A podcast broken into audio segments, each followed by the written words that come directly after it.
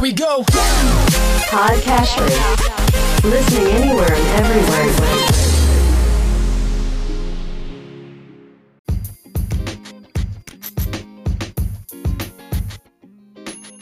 Welcome to Weekly Investment Podcast bersama saya Ferdian Syahputra dari Ispring Investment Indonesia untuk Prudential Indonesia.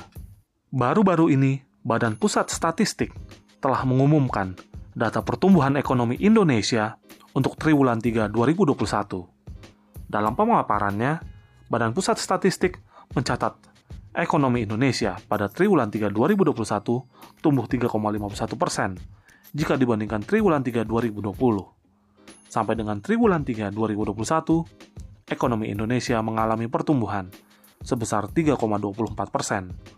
Dari sisi produksi, pertumbuhan terbesar terjadi pada lapangan usaha jasa kesehatan dan kegiatan sosial sebesar 9,81 persen.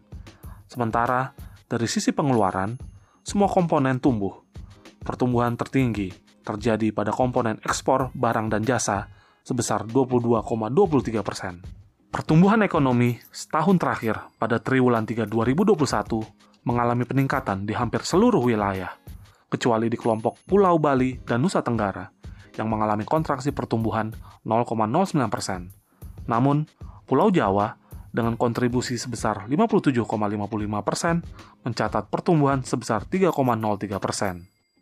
Di samping itu, PPKM memiliki dampak yang besar pada pertumbuhan ekonomi kuartal 3 2021. Badan Pusat Statistik mencatat mobilitas penduduk pada periode ini menurun dibandingkan sebelumnya. Sementara itu, kinerja penjualan eceran juga cenderung turun sejalan dengan penerapan PPKM level 4 di Juli hingga Agustus 2021. Ke depannya, perekonomian Indonesia masih diperkirakan dalam tren perbaikan. Beberapa sinyal perbaikan masih terus mencatat perkembangan.